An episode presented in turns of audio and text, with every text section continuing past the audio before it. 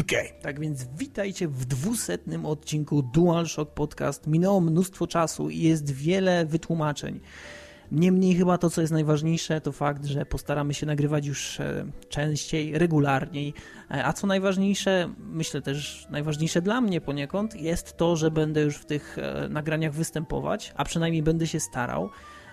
Więc z tej strony witam się z wami ja, Odin, oraz wierny i oddany Kryspin. Kryspin. E, dzisiejsze tematy. Mamy tylko trzy tematy, ale myślę, że to są całkiem fajne rzeczy, o których można dość długo rozmawiać. Zaczniemy od Fallouta czwartego, później spojrzymy na Somę, a zakończymy na e, Hitmanie. E, Hitman, który w sumie jest nadal wielką zagadką dla mnie i muszę się przyznać, że trochę bardziej interesuje mnie niż Fallout. A czemu interesuje mnie bardziej niż Fallout, to już wyjaśni Crispin. Niemniej zaczynamy i zapraszamy. Mamy nadzieję, że się spodoba. Okay, tak więc zaczynamy od pierwszego tematu, czyli Fallout 4. Jest e, mnóstwo kontrowersji wokół tego tytułu i e, tak jak rozmawiam z, ze swoimi znajomymi, e, to część z nich mówi, że Fallout 4 jest no, takim średnim w sumie tytułem. Można powiedzieć nawet, że lekkim rozczarowaniem po wielkich obietnicach, jakie Bethesda po raz kolejny wypruwała z siebie i wyrzucała na lewo i na prawo. Natomiast y, w sieci nie widać specjalnie wielkiego oburzenia. Można nawet powiedzieć, że Fallout 4 spotkał się z zadowoleniem, z dobrym, no, został dobrze odebrany. E, I ja w sumie w Fallouta 4 nie grałem, niemniej w pracy widziałem już parę osób, które się w niego zagrywały, rozmawiałem z nimi, widziałem też parę gameplay, ale tutaj na horyzoncie pojawia się Crispin, dlatego że Crispin wie o Falloutie 4 dość dużo, wie o, o Falloutie 4 w sumie wiele kontrowersyjnych rzeczy, i w sumie podzieliliśmy się tutaj trochę na takie role, gdzie to Crispin będzie mi starał się wytłumaczyć, jak bardzo nie lubię Fallouta 4, tak więc Crispin. E, okej, okay, Odin, myślę, że trochę przesadziłeś z tym, że wyjaśnię ci, dlaczego nie lubisz Fallouta 4, ale ogólnie mógłbym wyjaśnić trochę kontrowersyjnych kwestii związanych z Falloutem 3, czy Falloutem 4, przepraszam bardzo, e, które mogliśmy zobaczyć zobaczyć na e, targach E3, a teraz rzeczy, które się potwierdziły po premierze Fallouta 4. E, tak jak wspomniałeś wcześniej, w sieci może specjalnie nie mówi się o tym, czy ta gra jest zła, czy, czy jest dobra. W zasadzie recenzje gry są bardzo dobre. E, jeśli chodzi o samych graczy, to jest już tak różnie, bo część graczy się dosyć mocno obraziła na Fallouta 4. I właśnie kilka z takich głównych zarzutów to było to, że Fallout 4 coraz mniej jest grom RPG. E, między innymi to się właśnie objawia w dialogach, które niestety e, dosyć mocno zostały skrócone w grze. To tak? A to nie było tak, że oni właśnie się chwalili tym, że mają mnóstwo kwestii dialogowych, które były nagrywane właśnie na potrzeby Fallouta e, i że tam ogólnie rzecz biorąc każdy NPC teraz w tym momencie jest, można powiedzieć, takim taką postacią w grze, z którą możesz odbyć taką dłuższą rozmowę i to jest takie fajne. Ja pamiętam, kiedy zaraz po tym, e, to nie jest chyba spoiler, jak powiem, że zaraz po tym wybuchu e, na jednej z prezentacji główna postać podchodziła do jakiegoś żołnierza i mogła z nim dłużej pogadać o tym, jak wygląda aktualnie życie na pustkowiach, e, jak sobie radzi, gdzie powinien się udać, gdzie powinien szukać jakiś, jakiegoś ekwipunku, jakiejś broni, czegokolwiek. To na pierwszy rzut oka, przynajmniej wtedy jak ja to widziałem, to to wyglądało naprawdę bardzo spoko, dlatego że no, w sumie faktycznie w trójce było tak, że e, no, postacie miały takie mocno ogólne kwestie, które potem były powtarzane na bardzo wielu różnych NPC-ach, a tutaj to wyglądało tak, a przynajmniej na potrzeby prezentacji wyglądało tak, że możesz pogadać naprawdę tak, można powiedzieć, ogólnie i szczegółowo na wiele różnych tematów i mówisz, że wcale tak nie jest. To znaczy, bo jak masz e, te koło dialogów, na przykład z Mass Effecta, wiesz jak mhm. w tym momencie wyglądają dialogi? Kojarzysz z prezentacji? No tak, kojarzę. Masz cztery opcje dialogowe do wyboru maksymalnie.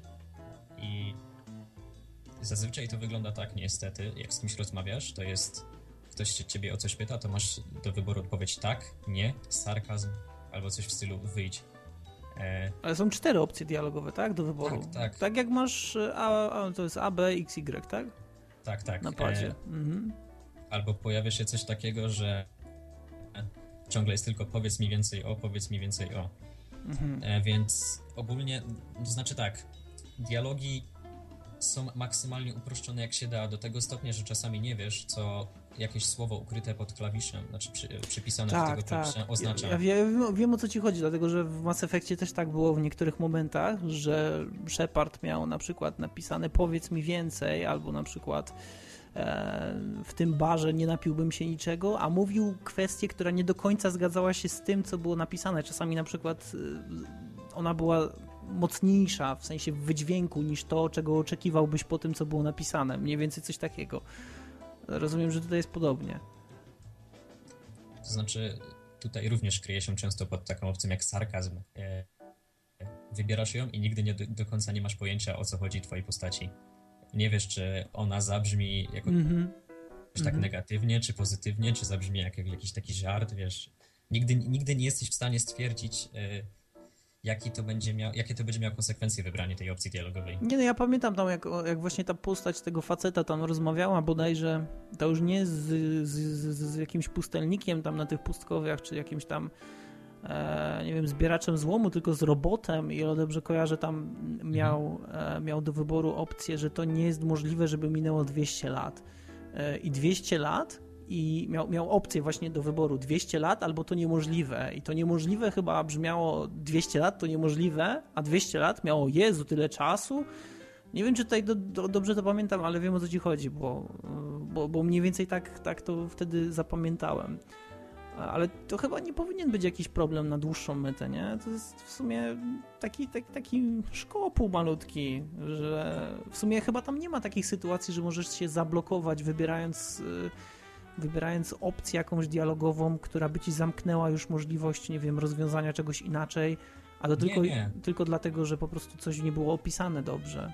Właśnie, bo ogólnie ja nie grałem samą grę, ale oglądałem masę gameplay mhm. zamierzam w nią zagrać jak tylko będę miał okazję. E Właśnie, właśnie nie, nie jest tak jak mówisz.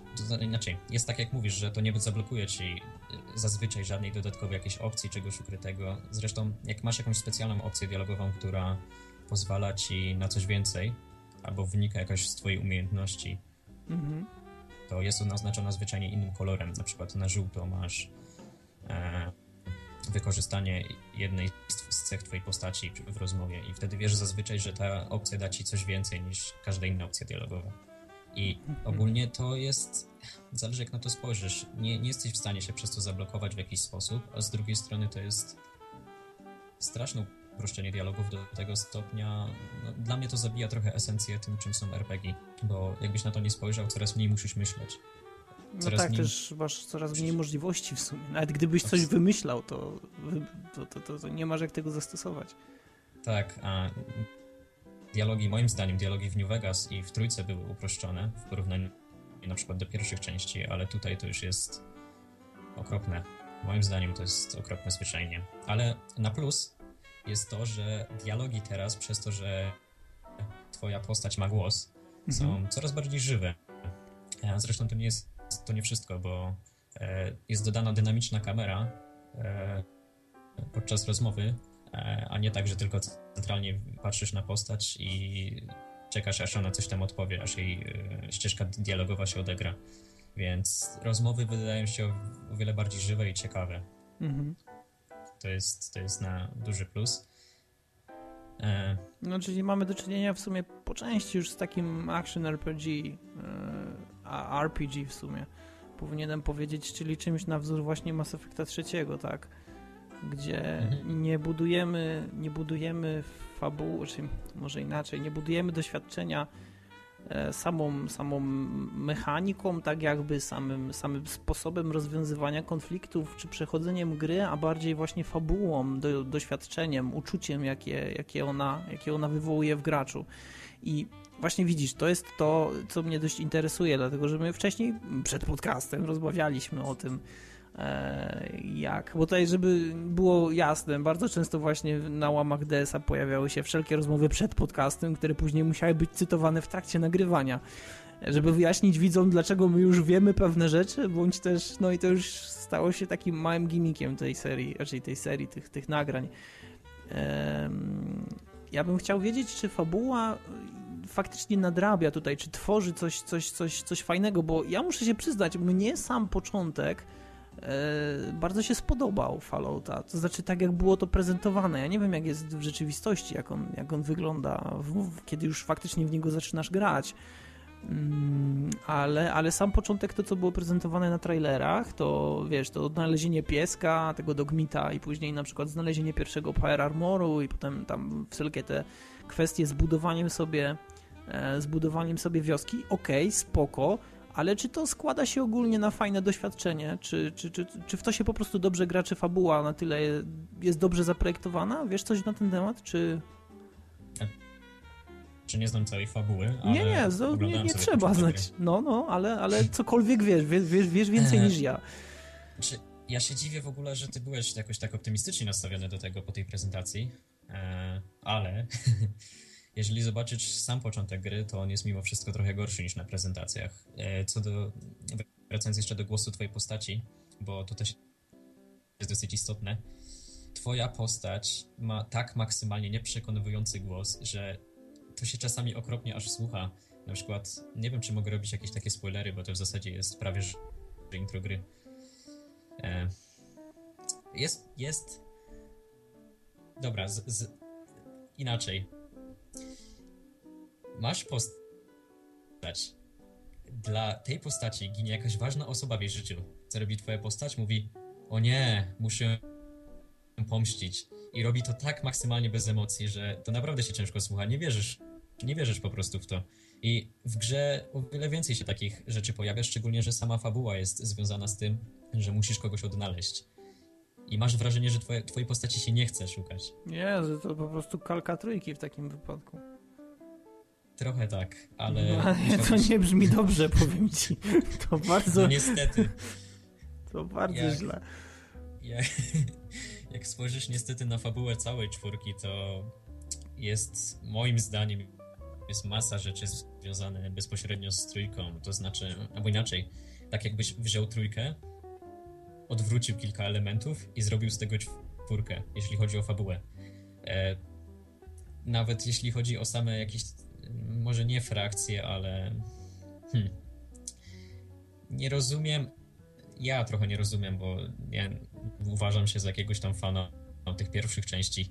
Trochę nie rozumiem, jak mogą się pojawiać supermutanty w czwartej części i trochę nie rozumiałem tak samo, jak mogą się pojawiać w trzeciej części, bo wytłumaczenie supermutantów w trzeciej części było naprawdę słabe, więc niestety czwórka... No z tego co ja wiem, to oni mieli tam ten określony, no, dość krótki czas życia i nie mogli się rozmnażać, tak? A rozumiem, że... Supermutanty mają bardzo długi czas życia, ale nie mogą się rozmnażać. A, widzisz, no ja myślałem, że to jest tak, że oni nie żyją specjalnie długo. No ale okej, okay, no to dlaczego się nie, nie, nie, powinny pojawiać w czwórce? To znaczy, chciałem powiedzieć, że e, czwórka pod względem fabuły to jest po prostu jest masa powiązań jakby z Falloutem trzecim, tak bezpośrednio, jakbyś tą grę skopiował. E, dlaczego nie powinny się pojawić w czwórce? Myślę, że to nie ma większego znaczenia, ale mogę wyjaśnić. E, super mutanty po pierwszej części w zasadzie nie powinny być produkowane, bo nie miały gdzie. A te, które uciekły na pustkowia, to w zasadzie były pojedyncze sztuki albo jakieś tam mniejsze grupki. E, w trójce praktycznie się pojawiały armie supermutantów. No tak, w trójce, tak, tak. W New Vegas to było wiele fajniej zrobione, bo ale to New Vegas robił Obsidian, a Obsidian wie, wiedział co robi. E, e. No i w czwórce jest właśnie w zasadzie ten sam powód co w trójce nie ma miejsca, w którym można by było tworzyć supermutanty, a dla mnie to jest trochę dziwne, żeby one zbierały się w większe armie. Ale może to tylko dla mnie. I myślę, że w zasadzie powinniśmy tutaj urwać wątek supermutantów. Mm -hmm. e,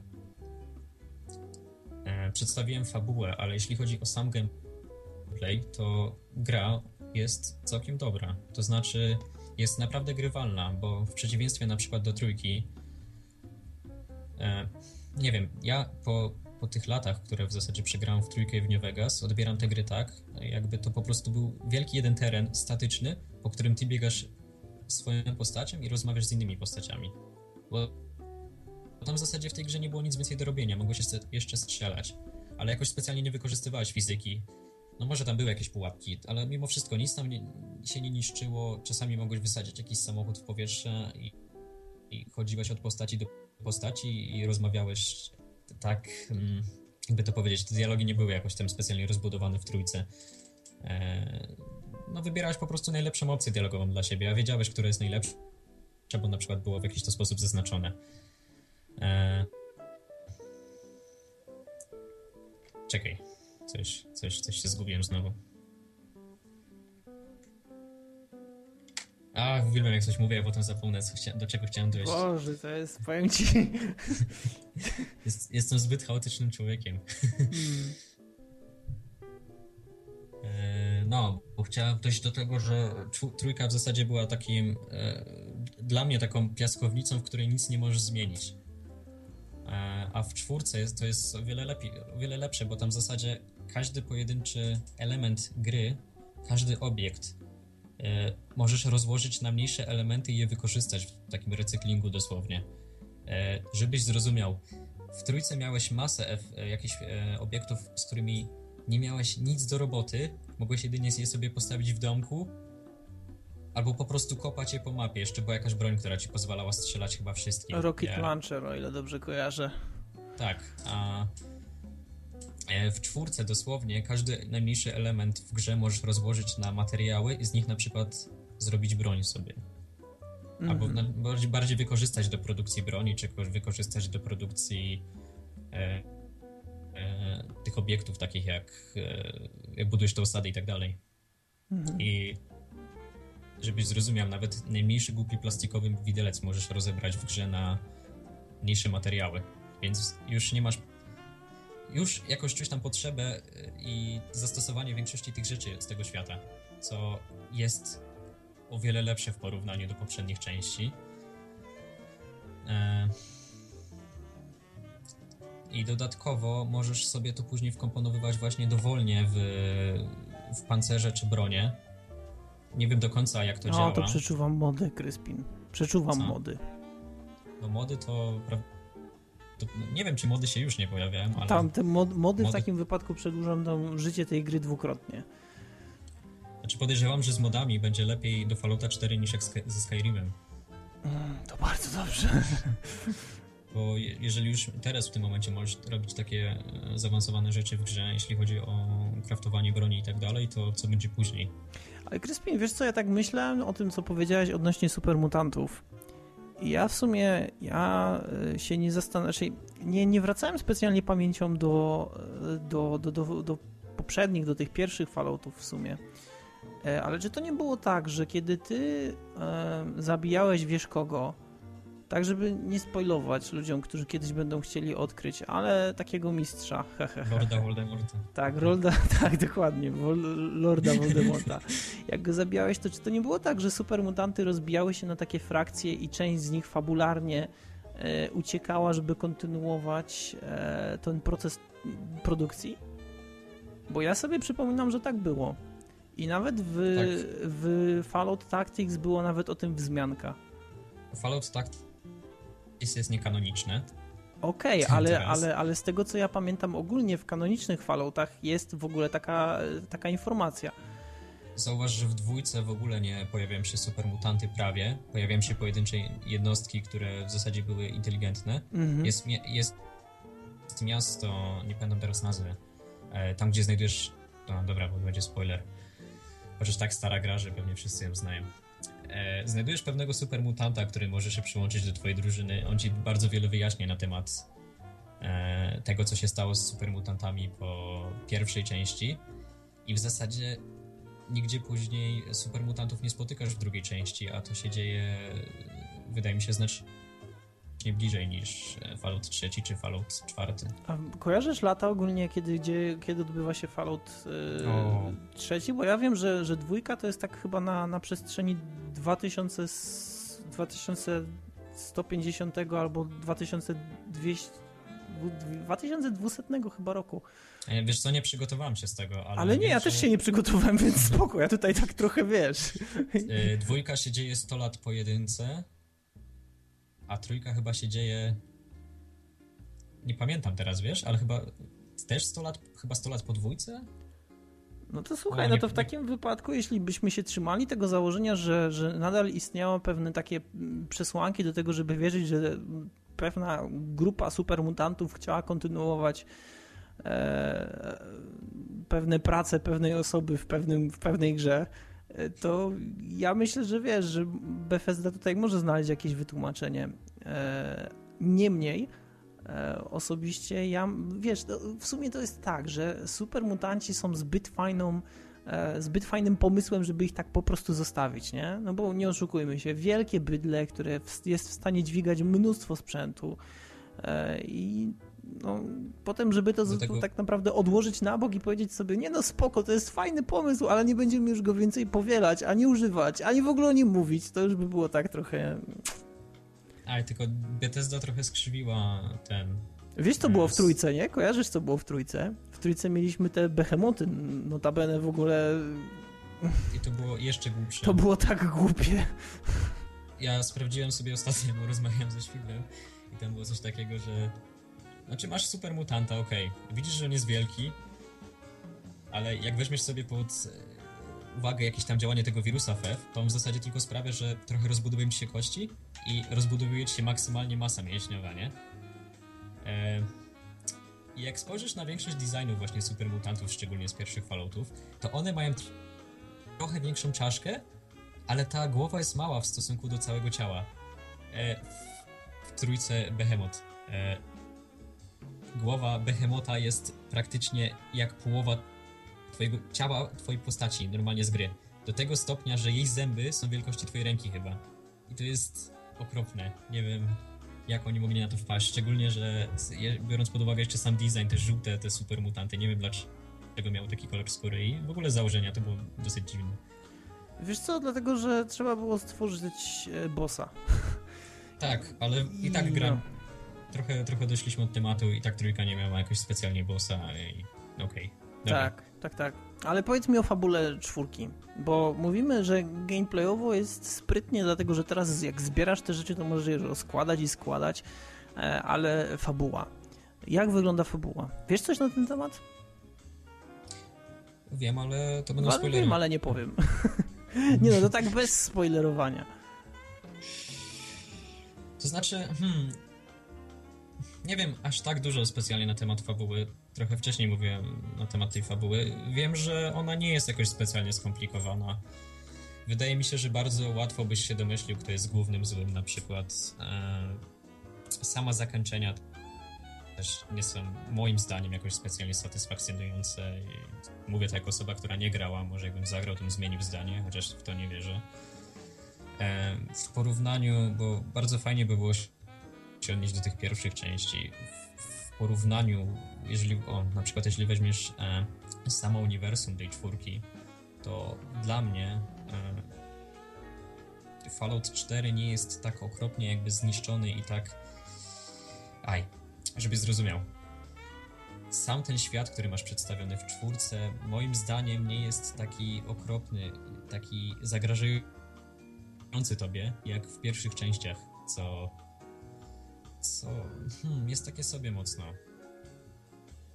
No, rozumiem o co ci chodzi. Rozumiem, ale to jest chyba domena w ogóle mm, już Fallouta trzeciego, New Vegas i teraz czwartego, że, że ten świat wydaje się taki trochę za bardzo przyjazny, jak na przykład w dwójce albo w jedynce.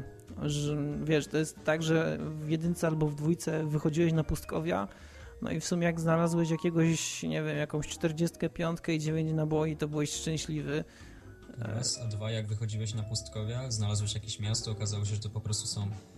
To jest jaka, jakieś, jakaś część miasta, która dosłownie ma spalone wszystkie piętra. Zachowały się tylko piwnice i najniższe, najniższe piętra, jakieś tam partery czy coś, a wokół wszędzie są tylko pustkowia i jałowa ziemia. I dodatkowo ludzie, których widzisz, są chorzy do tego stopnia, że się czołgają prawie na tych ulicach, albo tam kuleją.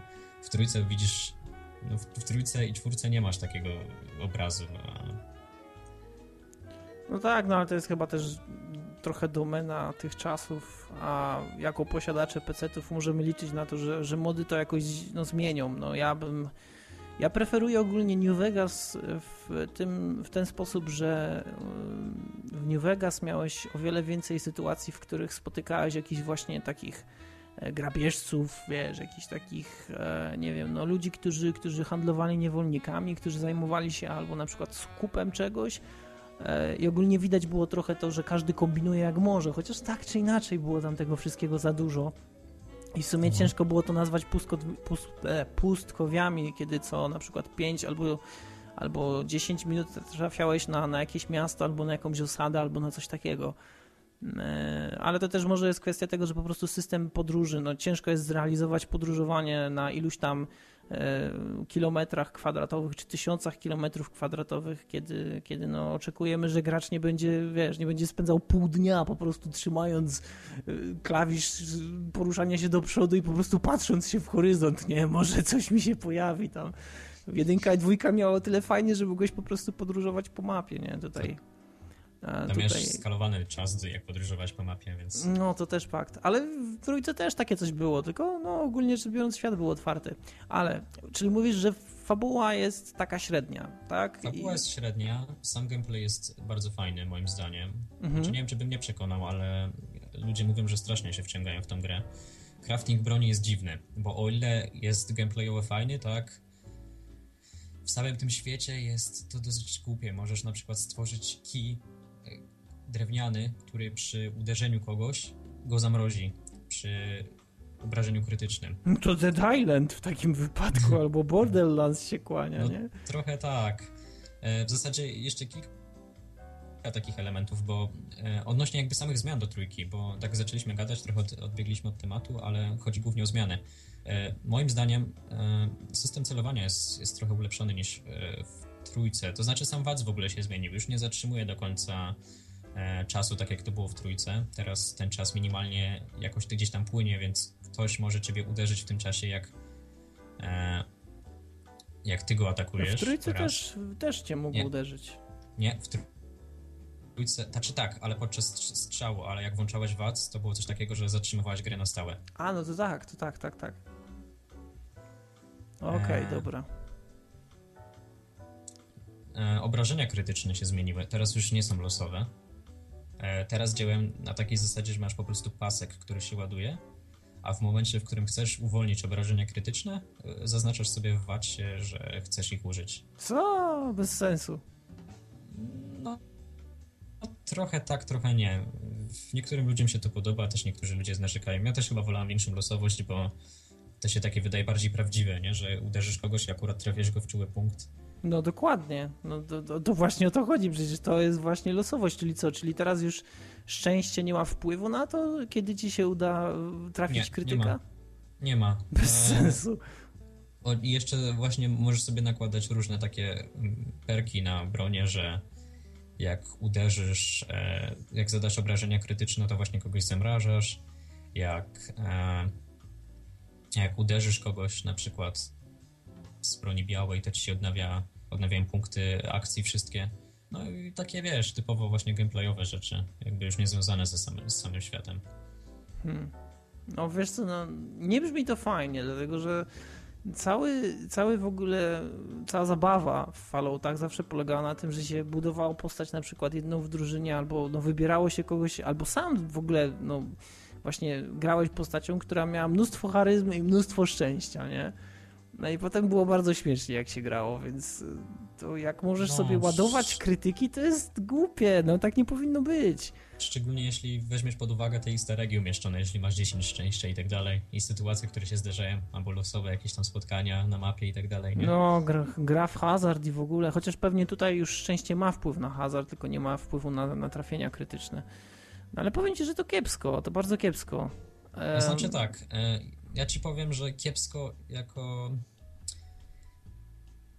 dla graczy, którzy lubią mocne RPG, bo to w zasadzie z tego się robi coraz większy FPS, co dla niektórych może być plusem, dla mnie na przykład jest strasznym minusem, coraz mniej jest RPG w RPG-u. E, I tak ogólnie mam taką myśl, że dla fanów pierwszych Falloutów to nie poleciłbym po prostu tej gry, raczej bym odradzał. ale takich pra... znaczy prawdziwych, powiedziałbym dla takich zagorzałych fanów e, pierwszych Falloutów, którym nie podobała się strasznie trójka. Mm -hmm raczej bym odradził czwórkę. E, co do ludzi, którzy lubią gry Bethesdy, to chyba jak najbardziej, bo to jest po prostu kolejna gra Bethesdy. E, jeszcze, ha, mógłbym powiedzieć, dalej jest brzydka jak gry Bethesdy.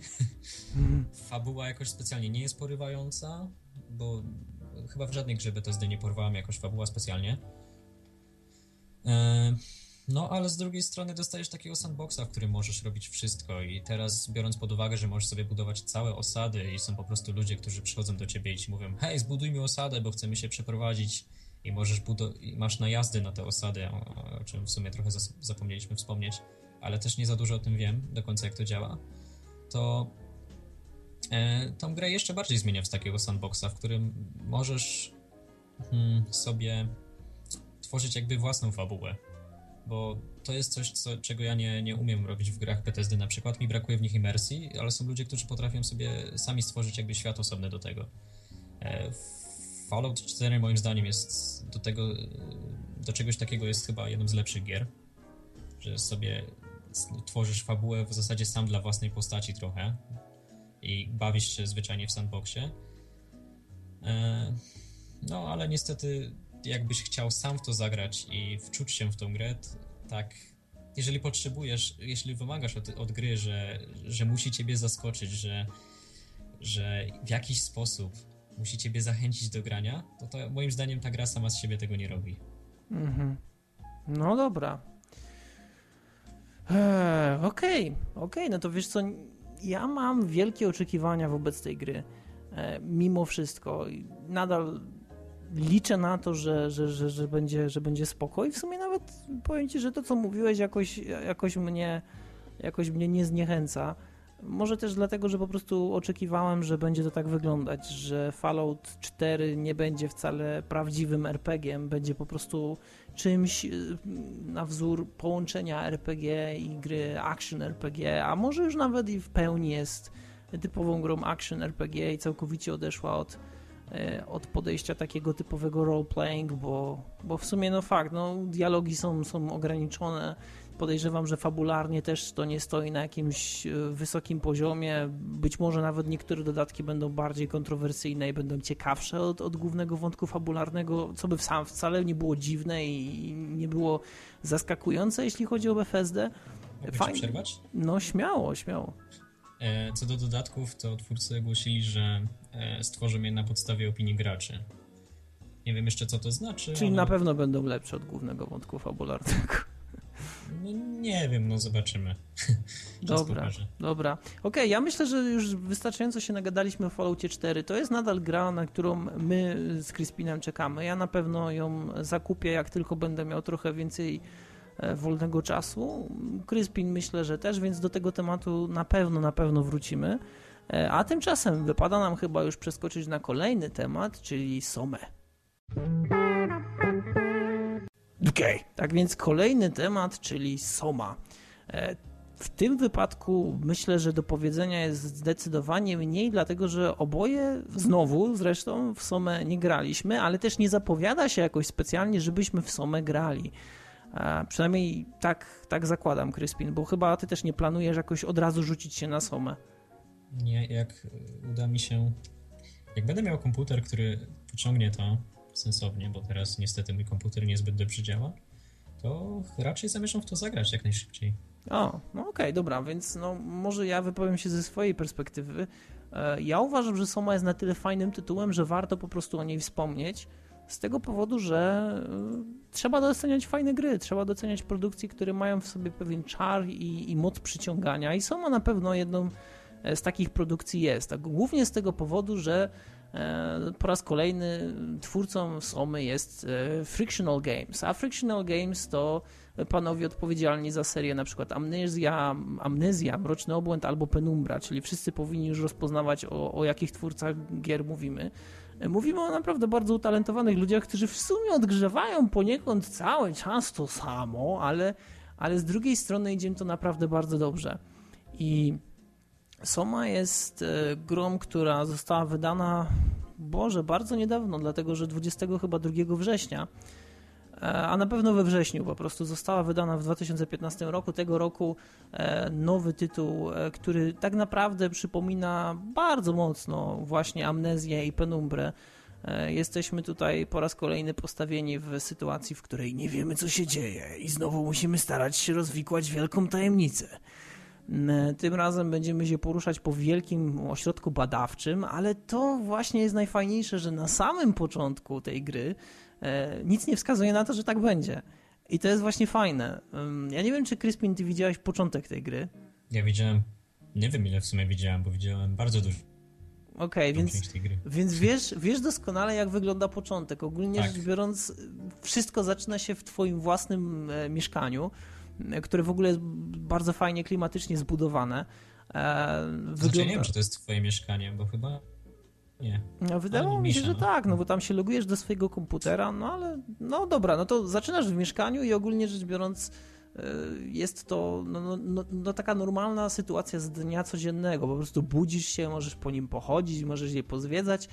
No i w międzyczasie udajesz się na wizytę u pewnego doktora, u pewnego lekarza, dlatego że cierpisz na, o ile dobrze tutaj zapamiętałem, e, chroniczne bóle głowy, tak? Coś, co, co cię prześladuje już od dłuższego czasu. Czy wiesz co, teraz sobie tak myślę, że tak dawno temu to nie widziałem, że ciężko mi teraz stwierdzić, ale okay, no tak. dobra, trzymajmy się, trzymajmy się tego wątku, że, że masz jakieś tam problemy z bólem głowy, czy przynajmniej z czymś i, i, i to jest ogólnie taki przewijający się wątek, e, który pojawia się wielokrotnie na drodze właśnie do tego lekarza, że widzisz tam informacje od swojego lekarza prowadzącego, który mówi, że możesz mieć faktycznie jakieś tam problemy z pamięcią, z, ze świadomością, z bólami, musisz to rozwiązać tak i tak i tak. E, no i możesz pojechać, a właściwie no możesz, musisz pojechać metrem do, e, do tego lekarza i tam w sumie na miejscu okazuje się, że musisz rozwiązać taką pierwszą prostą zagadkę, czyli jak go znaleźć, to trzeba chwilkę pochodzić, no ale okazuje się, że wcale nie jest to trudne i i nasze przyzwyczajenia poniekąd każą nam uderzać w drzwi i próbować się dostać do jakiejś dziury w podwieszanym suficie, kiedy tak naprawdę nie ma po co się tam pchać.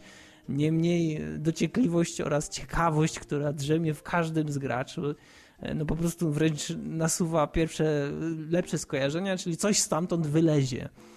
E, przynajmniej ja tak miałem, kiedy oglądałem gameplaye, ale okazuje się, że wcale nic stamtąd nie wyłazi i w pomieszczeniu obok spotykamy naszego lekarza, który stara się nam e, pomóc, e, przepisując właściwie, czy zapraszając nas na odbycie takiej eksperymentalnej terapii. I to, co dzieje się podczas tej terapii, jest właśnie tą taką wisienką na torcie, dlatego że nagle budzimy się w ciele kogoś zupełnie innego. I to jest to jest gra, która fabułę moim zdaniem ma arcyciekawą, dlatego że żeby nie zaspoilować specjalnie mocno, to powiem, że głównie chodzi o to, iż mm, tak naprawdę mierzymy się tutaj poniekąd z takim skrzyżowaniem człowieka i maszyny. Czyli czy człowiek jest w stanie być maszyną, albo czy maszyna jest być w stanie człowiekiem.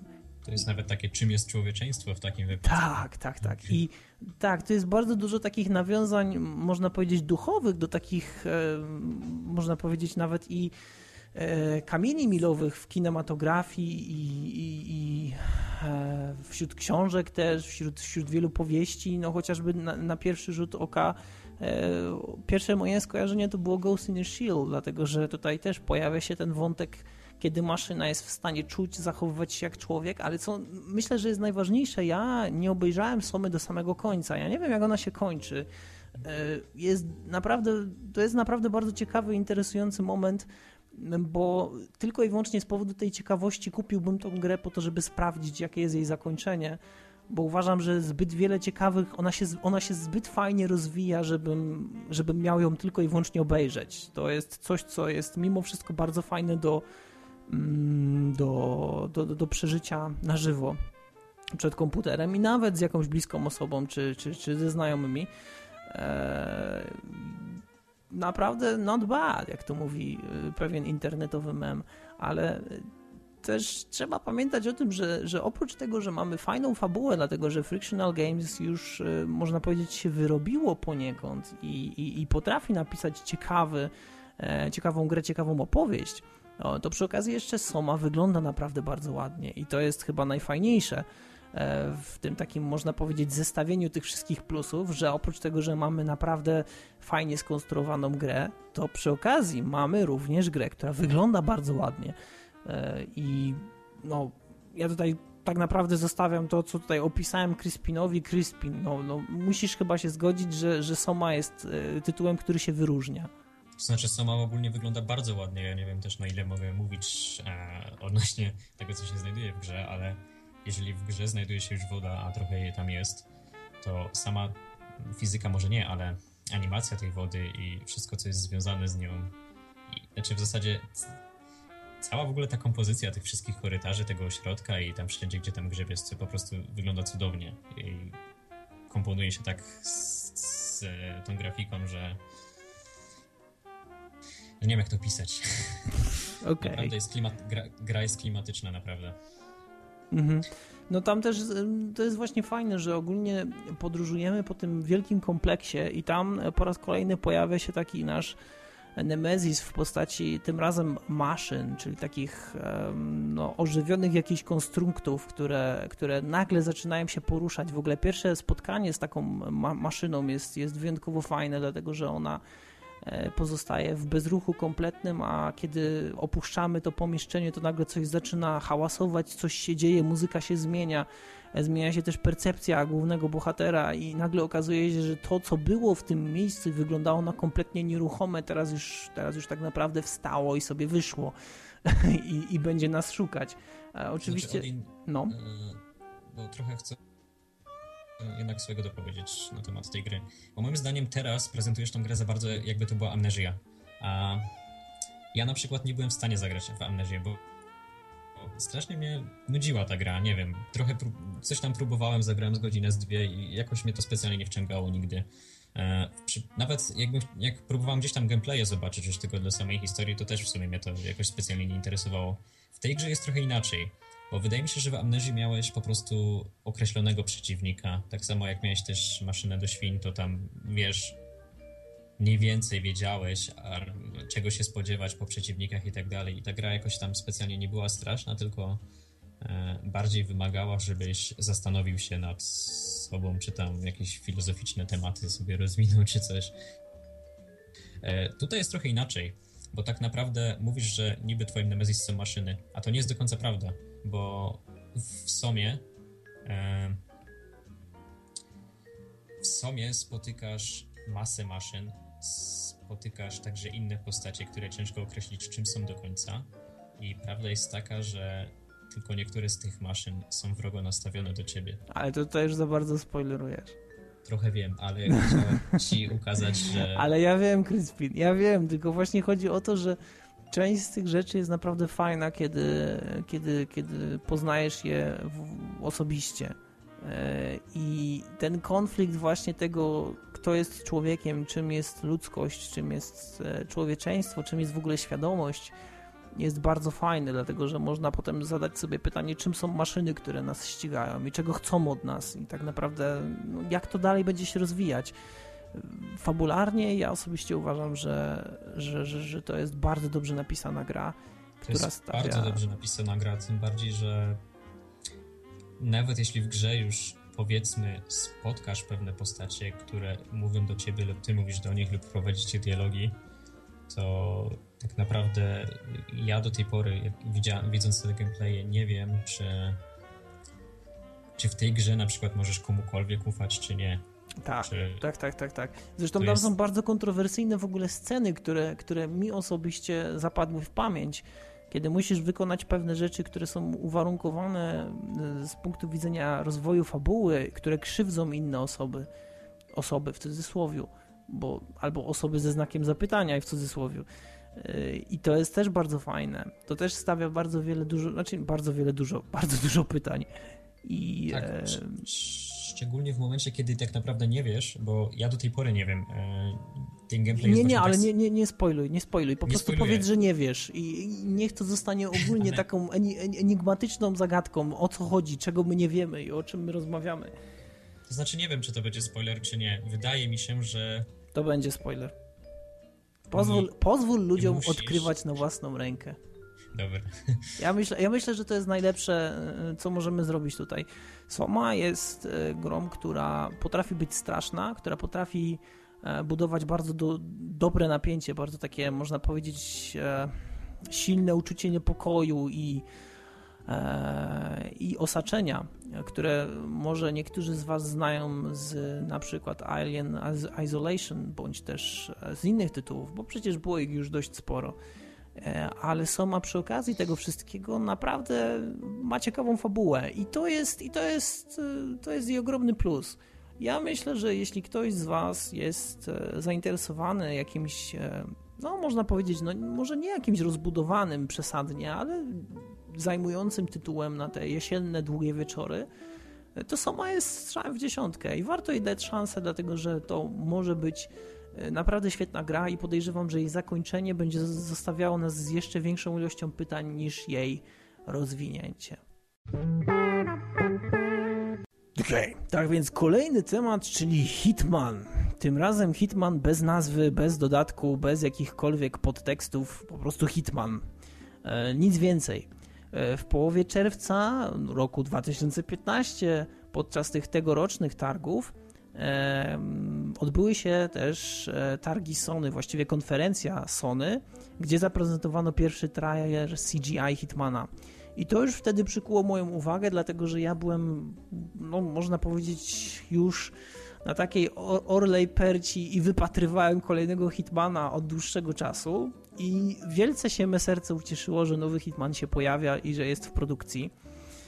E ale chyba o wiele bardziej się ucieszyło w momencie, w którym usłyszałem wszystkie te pozytywne aspekty, które w Hitmanie będą występować. Oczywiście nie jest też tak, że, że nie ma tutaj rzeczy, które mi trochę przeszkadzają, ale e, można powiedzieć, że Hitman idzie w dobrym kierunku i to jest coś, powiem Ci Kryspin, co rzadko w dzisiejszych czasach możemy powiedzieć, że nie boję się tego, jak będzie się rozwijał Hitman. E, a, a może inaczej, nie boję się tego, jak będzie rozwijała się jakaś tam gra. Bo zawsze można mieć jakieś, jakieś, e, jakieś ale, jakieś wątpliwości, ale powiem Ci, że ostatni Hitman e, Absolution nie jest, nie jest złym Hitmanem. On naprawdę nie jest złym Hitmanem, on ma bardzo fajną opowieść, ma bardzo przekonywujący gameplay, ma bardzo dużą płynność, poziom trudności też naprawdę potrafi być wysoki, no i też ilość rozwiązań może nie jest jakaś powalająca, ilość możliwości ukończenia misji nie jest y, taka, że wiesz, że przyprawia o zawrót głowy, ale jest wystarczająca. I teraz, no, w porównaniu do na przykład Blood Money? Czy... Jest wystarczająca jako tytuł, który jest next genowy i tak naprawdę podlega, wiesz, pewnym, pewnym prawom, tak. Okay. Nowy Hitman ma chyba być e, czymś jeszcze większym i czymś jeszcze bardziej dopracowanym, co mnie cholernie cieszy. To jest ogólnie też ciekawe, że pod koniec września tego roku IO Interactive przesunęło premierę Hitmana na, na rok następny, bodajże teraz premiera ma być w marcu 2016 roku. I, i ogólnie tam w notce prasowej, którą czytałem, e, IO Interactive e, usprawiedliwia się tym, że skala po prostu gry jest ogromna i trzeba ją bardzo dobrze dopracować, dlatego że Uwaga, to jest w ogóle dość zaskakujące. Teraz y, fabuła mm, w Hitmanie nie będzie nie będzie tak spójna jak w części poprzedniej. Teraz będziemy mocno polegać na sandboxowym aspekcie tej gry. Y, czyli niektóre misje nie będą ze sobą powiązane konkretnie. Niekiedy nie będzie tak, że po prostu przystępując do jakiegoś, do jakiegoś e, zadania, nie będzie jakiejś mm, bezpośredniej nici, która będzie wiązać to, co robiliśmy wcześniej z tym, co robimy teraz. Przepraszam. A to nie jest tak, że poprzednie Hitmany w zasadzie też tak miały, czy co drugi był? Wiesz co, spójrzmy na Absolution. Absolution jest swego rodzaju ewenementem, dlatego że tutaj, tutaj idziemy no, dosłownie od samego początku do samego końca, trzymając się cholernie zwartej fabuły, która nam w sumie dyktuje każdą misję. Poprzednie mm, kawałki, po, Boże, poprzednie kawałki, poprzednie odcinki to też nie jest złe, to też nie jest dobre porównanie. Poprzednie części. tak, poprzednie części. Ktoś tutaj za dużo seriali ogląda po pracach. Poprzednie części e, Hitmana, może z wyjątkiem Blood Money, ale poprzednie części Hitmana również były mocno fabularne może tego nie dało się zrealizować tak jak, tak jak teraz. Może po prostu trzeba było mm, pójść na pewien kompromis, że albo tworzymy grę sandboxowo poziomową, czyli że na tym poziomie może się mnóstwo rzeczy zdarzyć i tak naprawdę te NPC zachowują się w niezależny od siebie sposób i to wszystko, wiesz, i to wszystko odbywa się w sumie tak jakby poza twoją kontrolą, albo tworzymy grę fabularną. I, i, I, rozumiem, że ktoś po prostu poszedł tak jakby na pewne ustępstwa po to, żeby stworzyć fajne hitmany kiedyś w przeszłości. E, I Absolution jest tak naprawdę krokiem w stronę tego, żeby fabuła znowu była zawężona, żeby była taka, zacieśniała się na graczu coraz bardziej, coraz bardziej, coraz bardziej. E, nowy Hitman ma wyglądać w ten sposób, że ma być bardziej sandboxowy, ale czy to oznacza, że nie będzie miał fabuły? Myślę, że nie. E, chociaż z drugiej strony też można zadać sobie pytanie, czy Hitman potrzebuje fabuły. Bo być może chodzi o to, że Hitman potrzebuje fabuły na jedną misję i to wystarczy. Bo może tak być. I ja w sumie, szczerze powiedziawszy, nie mam nic przeciwko, dlatego że misje mogą być trudne, mogą być zróżnicowane, mogą mieć swój własny klimat. E, a jeśli będą ze sobą powiązane, spoko. Nie będą ze sobą powiązane, nie będę płakał. E, poza tym, no tak naprawdę mamy do czynienia z Hitmanem, z płatnym zabójcą, więc no, jego, jego, że tak powiem, zlecenia nie muszą się jednocześnie ze sobą wiązać w jakiś tam typowy sposób. Um, ale w ogóle odchodząc trochę od tego, co mówiłem, to, co jest bardzo fajne w Hitmanie teraz, co, co ma się pojawić, to jest y, to, że Hitman ma być do sześciu razy większy niż, niż poprzednie. Czyli mm, tutaj rozumiemy to w kontekście tego, że levele, na których będziemy się poruszać, mogą być nawet sześciokrotnie większe y, niż na przykład poprzednie, które były w części Absolution. Innymi słowy, mamy do czynienia z naprawdę ogromnymi połaciami terenu.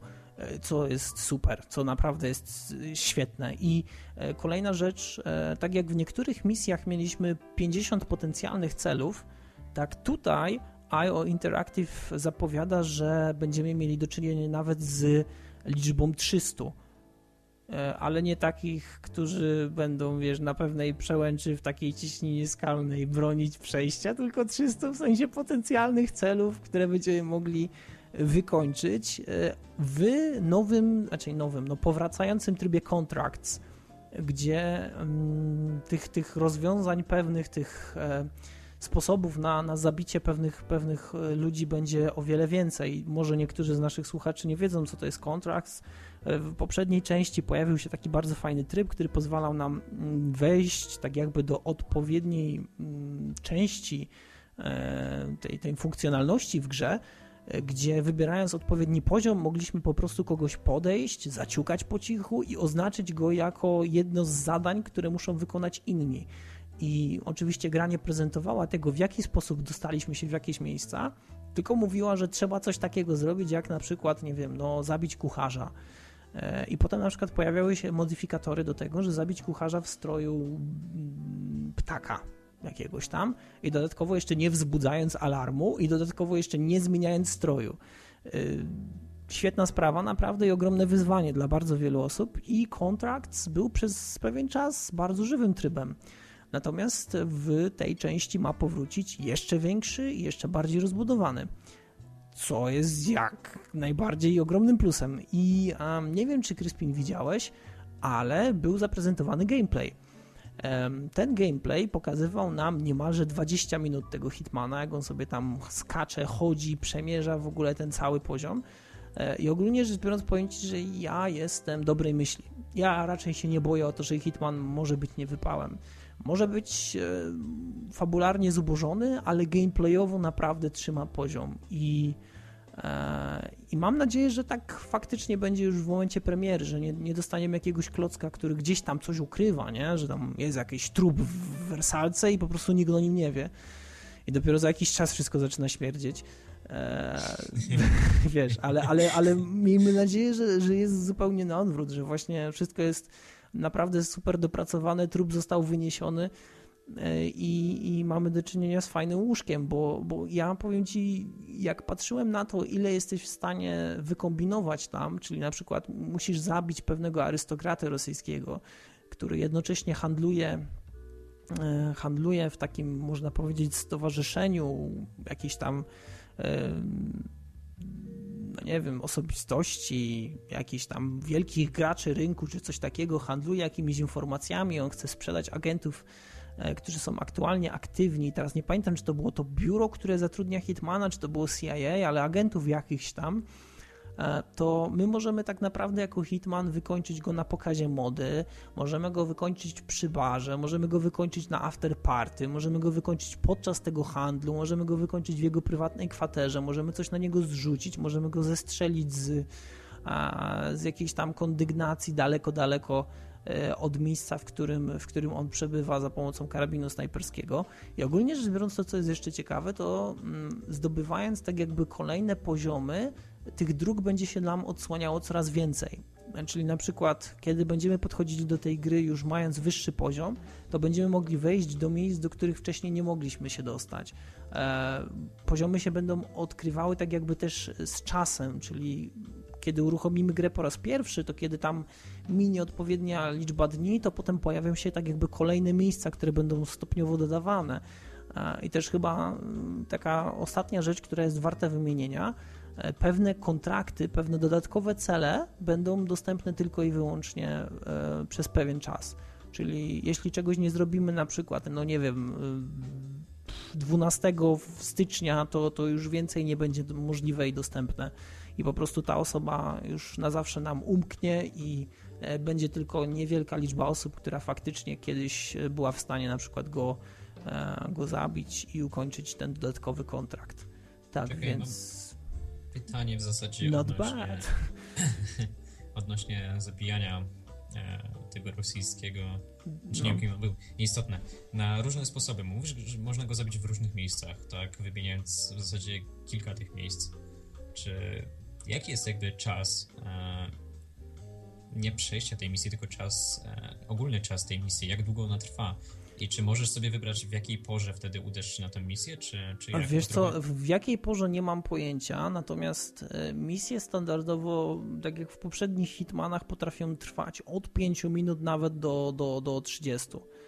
E, jeśli mamy do czynienia na przykład z sytuacją, w której e, postać odbywa tak jakby tą swoją drogę, na przykład, wiesz, mhm. zaczyna prezentować, może, może inaczej, najpierw wita się z gośćmi, potem, albo może jeszcze, cofnijmy się jeszcze bardziej, e, najpierw jest w swojej prywatnej kwaterze, potem schodzi z tej prywatnej kwatery i przechodzi tymi korytarzami, potem schodzi na przykład schodami albo windą, zjeżdża do samego, na sam parter, wita się z gośćmi, e, udziela wywiadu, udaje się na backstage do, do, do, do miejsca, gdzie będą prezentowane te te jakieś tam kostiumy, czy jakoś, jakieś tam, nie wiem, rzeczy typowo ze świata mody, a potem na przykład udaje się pod sam koniec tej prezentacji na ten catwalk, żeby podziękować wszystkim za, za przybycie, potem znowu wychodzi, e, nie wiem, rozmawia z jakimiś tam wybranymi osobami, potem udaje się na bankiet, potem idzie na after party, a potem na przykład udaje się do swojej prywatnej kwatery, to ja myślę, że taka misja może trwać, jeśli będziesz chciał, to może trwać te 30 minut, a co więcej, jeśli pozwolisz tej postaci, która tam odegra całą tą swoją trasę, cały ten swój, można powiedzieć, ten, ten plan dnia, pozwolisz jej wrócić do tej swojej prywatnej kwatery i ona tam będzie, to podejrzewam, że tak, po pierwsze stopień trudności cholernie wzrasta, dlatego, że już w tym momencie jest obstawiona, wiesz, ciężko jest się do niej dostać, E, a druga sprawa, ona tam pewnie będzie siedzieć, więc w sumie te misje będą trwały tak długo, dopóki jej nie wykończysz, więc e, równie dobrze możesz spędzić na tym Hitmanem nawet i półtorej godziny starając się wykombinować coś. Mm, fajnie by było, gdyby, gdyby te postacie mogły potem na przykład wykonywać jakieś takie rutynowe czynności, jak na przykład wyjść do toalety, albo pójść do kuchni coś zjeść, albo wiesz, coś takiego. Może się e, bardziej zachowywały jak prawdziwi ludzie. No. Tak, a ja myślę, że to jest bardzo prawdopodobne, dlatego że już w Absolution było tak, że, że wiesz, że mieliśmy na przykład tą pierwszą, fajniejszą, większą misję, która, było, która się nazywała Chinatown i tam e, tam jeden z panów e, co jakiś czas na przykład chodził do, do pewnego miejsca, żeby upudrować sobie nosek, jeśli wiesz, co mam na myśli. Tak więc wiesz, to było, to było fajne, dlatego że tutaj dawało ci możliwość wykonania pewnych rzeczy, na które, na które normalnie nie miałbyś możliwości, ale trzeba było czekać. Tak więc i za to oczywiście były achievementy osobne. E, niemniej, e, pomijając już poprzednią część, ja myślę, że ten nowy Hitman będzie fajny. Mimo tego, że nowy Hitman w ogóle wygląda zbyt młodo i nie wiem, czy to jest celowy zabieg e, na potrzeby tych trailerów, czy to faktycznie będzie tak wyglądało, że Hitman nagle nam odmłodniał, czy być może to jest po prostu nowy klon. Nie mam pojęcia. i kto będzie aktorem głosowym i czy pojawi się Diana, podejrzewam, że się pojawi. E, no to wszystko pozostaje pod znakiem zapytania, ale mimo wszystko ja już e, ten gameplay oceniam na, na, na, na naprawdę piątkę z plusem. Ja myślę, że, że ta gra się, jeśli nie fabułą, to obroni się gameplayem. Okej, okay, to był dwusetny odcinek DualShock Podcast. Mieliśmy trochę mało tych tematów, jednak wydaje mi się, że trochę powiedzieliśmy co nieco na temat wszystkich tych gier, które wymieniliśmy. No i nie wiem, myślę, że te podcasty będą pojawiać się coraz częściej. W zasadzie nie, jeszcze nie tak regularnie, jakbyśmy chcieli, żeby się pojawiały, bo każdy z nas ma swoje jakieś własne zajęcia, pracę, studia, cokolwiek, ale myślę, że będziemy się starać, żeby się pojawiały częściej. I nie wiem, Odin, co, coś jeszcze? W sumie masz coś do dodania? No, przywiozłem sobie mikrofon do Gliwic, więc wiesz, to jest duży wyczyn. Teraz to ja mogę. No, teraz to wiesz, teraz to już nie jest tak, że siedzę na laptopowym. Um, nie, ode mnie ja, ja, jeśli mogę coś dodać, to ja mam nadzieję, że będę tutaj się pojawiał jak najczęściej. No ten tydzień jest trochę taki zwariowany, dlatego że mam e, pewien egzamin już za, za następny, już, już w czwartek w sumie, czyli za tydzień konkretnie, za 7 równych dni od momentu nagrywania tego, e, tego podcastu i nie wiem jak to będzie wyglądało, e, ale też jestem w sumie dobrej myśli, mam nadzieję, że się uda. E, i dzięki temu też będę miał trochę więcej czasu później no i, i, i, i, miejmy nadzieję, że uda się przywrócić DSA do jakiejś tam znośnej formy. Ja wiem, że to nie będzie wyglądało tak jak kiedyś, ale mimo wszystko sentyment pozostaje. Osobiście uważam, że mamy jednak tą historię na tyle rozbudowaną, że warto o to dbać. Obojętnie jak rzadko miałyby te podcasty wychodzić, a mam nadzieję, że będą wychodziły jak najczęściej.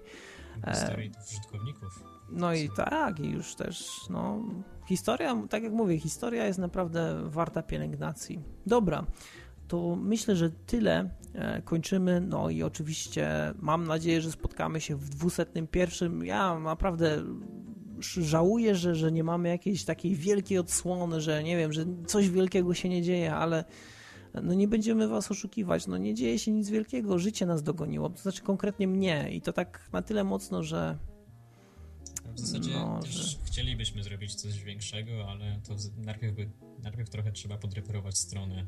Tak, myślę, że to jest najważniejsze w tym momencie. No, dobra, no to w takim wypadku mm, co? Do usłyszenia i, i trzymajcie się, cześć.